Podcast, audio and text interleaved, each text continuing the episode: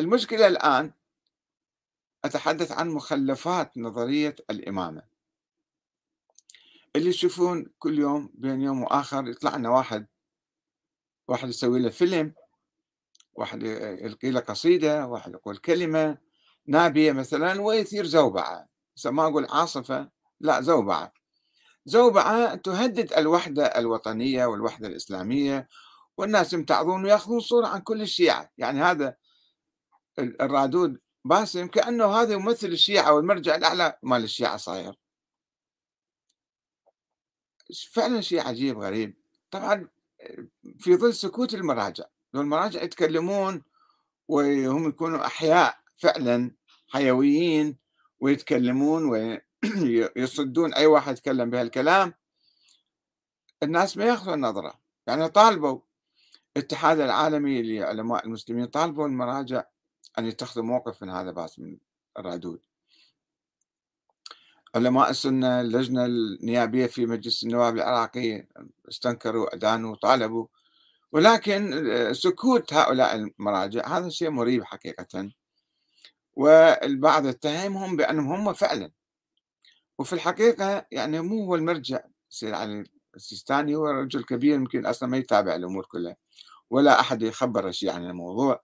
ولكن هالجهاز الجهاز الثقافي والإداري شوفوا أنتم مثلا المواقع المرتبطة بمكتب السيستاني تدافع عن هالأفكار تدافع عن النظريات السلبية و...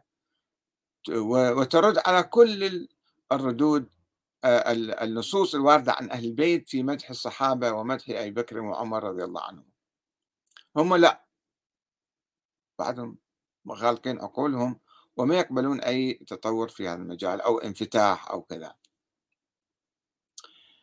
آه، أنا طبعا تحدثت عدة مرات حول هذا الموضوع ولا تزال الفتنة موجودة نحاول أن نقمعها إن شاء الله. نقمعها بشيئين أولا بإيراد نصوص أهل البيت وثانيا بمناقشة نظرية الإمامة الإلهية المثالية الخيالية الوهمية. الأسطورية القائمة على مجموعة أساطير وعلى رأسها أو تحتها آه، هو موضوع الإمام المهدي الغائب الإمام الثاني عشر لولا هذا الإيمان بهذا الشخص لانتهت نظرية الإمامة. والشيعة تخلوا عنها تماما ولكن لأنه اختلقوا هذا الشخص الموهوم فصارت النظرية تزال في الأذهان والأئمة موجودون وهذا الإمام الثاني عشر موجود وسوف يظهر. فصارت النظرية تقريبا شبه حية مو حية ميتة هي ولكن شبه حية في الأذهان. في هذا اليوم آه، يسرني أن أقرأ لكم أو أقرأ عليكم آه، بعض النصوص الواردة عن أئمة أهل البيت وعلى رأس هذه النصوص دعاء الإمام زين العابدين بحق الصحابة. في الصحيفة السجادية المشهورة الدعاء رقم أربعة. انظروا ماذا يقول عن آه، الصحابة الكرام.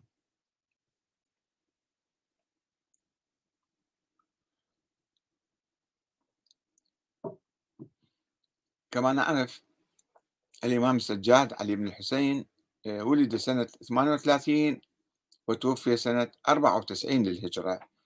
وهذا الدعاء أيضا أنا أشكر العتبة العباسية منتدى الكفيد ناشرين هذا الدعاء وقالوا شوفوا موقف آه، الشيعة موقف أئمة أهل البيت من الصحابة. آه، طبعا البعض يجي يحاول أن يلعب بهذا الحديث ويرد عليه المهم خلينا نقرأها الآن. آه، وكان من دعائه عليه السلام في الصلاة على أتباع الرسل ومصدقيهم. اللهم وأتباع الرسل ومصدقوهم من أهل الأرض بالغيب عند معارضة المعاندين لهم بالتكذيب والاشتياق إلى المرسلين بحقائق الإيمان في كل دهر وزمان. أرسلت فيه رسولا وأقمت لأهله دليلا من لدن آدم إلى محمد صلى الله عليه وآله من أئمة الهدى وقادة أهل التقى.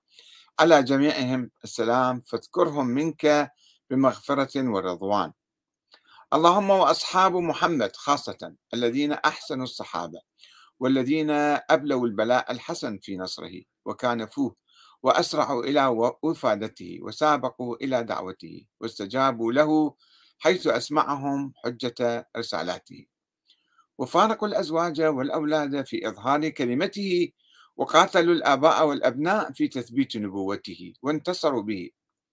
ومن كانوا منطوين على محبته يرجون تجارة لن تبور في مودته. والذين هجرتهم العشائر تعلقوا بعروته وانتفت منهم القرابات سكنوا في ظل قرابته. فلا تنس لهم اللهم ما تركوا لك وفيك وأرضهم من رضوانك وبما حاشوا الخلق عليك وكانوا مع رسولك دعاة لك إليك. واشكرهم على هجرهم فيك ديار قومهم وخروجهم من سعة المعاش إلى ضيقه.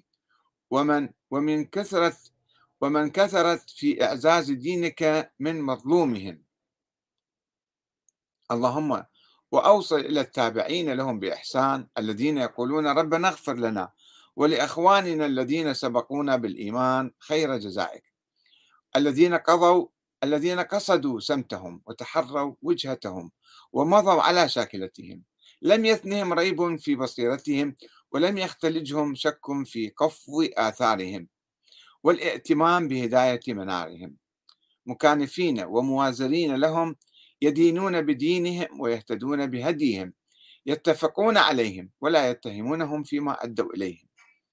اللهم وصل على التابعين من يومنا هذا إلى يوم الدين وعلى أزواجهم وعلى ذرياتهم وعلى من أطاعك منهم صلاة تعصمهم بها من معصيتك وتفسح لهم في رياض جنتك. وتمنعهم بها من كيد الشيطان وتعينهم بها على ما استعانوك عليه من بر. وتقيهم طوارق الليل والنهار إلا طارقا يطرق بخير. وتبعثهم بها على اعتقاد حسن الرجاء لك والطمع فيما عندك.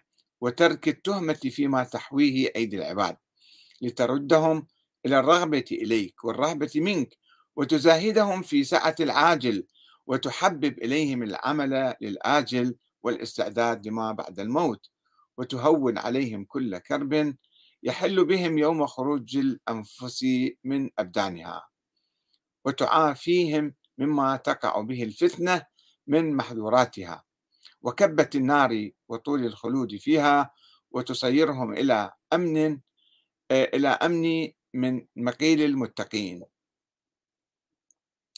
فشوفوا هنا الإمام زين العابدين طبعا الأئمة كلهم عندهم موقف ما كان عادي. موقفهم من الصحابة وخاصة المهاجرين الأولين والأنصار موقف إيجابي يحترموهم ويترضون عليهم. وقد ذكرنا ذلك في محاضرات أخرى سابقة. ولكن الآن نركز على موضوع الإمام زين العابدين. ولكن لماذا حدثت المشكلة؟ لماذا حدث الموقف السلبي من الصحابة؟ الله يلعن ابن سبأ الذي أول من آه، جاهر بذلك. وبناء على آه، نظرية مفتعلة أو مقولة كاذبة طرحها في زمان الإمام علي عليه السلام أنه الإمام علي كان وصي رسول الله أكيد هذا. وصي في الأمور العادية. فهو طور نظرية الوصية قال لا مو وصي عادي هذا مثل آه، وصي نبي موسى يعني هو إلى الحق بالحكم والخلافة وأن الصحابة أبو بكر وعمر وعثمان اغتصبوا الحق بالحكم من الإمام علي. يعني ركب هو كان يهودي سابق من اليمن وكان يقول كما تقول كتب الشيعة يعني آه، فرق الشيعة النوبختي والمقالات والفرق وغيرهم. يتحدثون عن هذا ابن سبأ آه، يقولون هو كان في يهوديته يقول بذلك يقول الإمامة يعني آه، أو النبوة في ذرية موسى أو في يوشع بن نون وبالتالي ركب هاي الفكرة على الإسلام والمسلمين وقال دول الإمام علي هو أحق بالخلافة فاتخذ موقف سلبي من من سبق وصار الناس يحكون في الموضوع واستمروا وهم دخلوا يعني دول السبائية صحيح الإمام علي حاربهم ونفع ابن سبأ من الكوفة ولكن أفكاره بقيت تنتشر في بعض الأوساط إلى أن آه، أصبح بعض الشيعة اللي يسموهم الرافضة. الرافضة مو كل الشيعة دول الفريق المتأثرين بالسبائية يسموهم الرافضة وإلا عامة الشيعة كانوا يتبعون أهل البيت ويتخذون موقفا إيجابيا من الصحابة.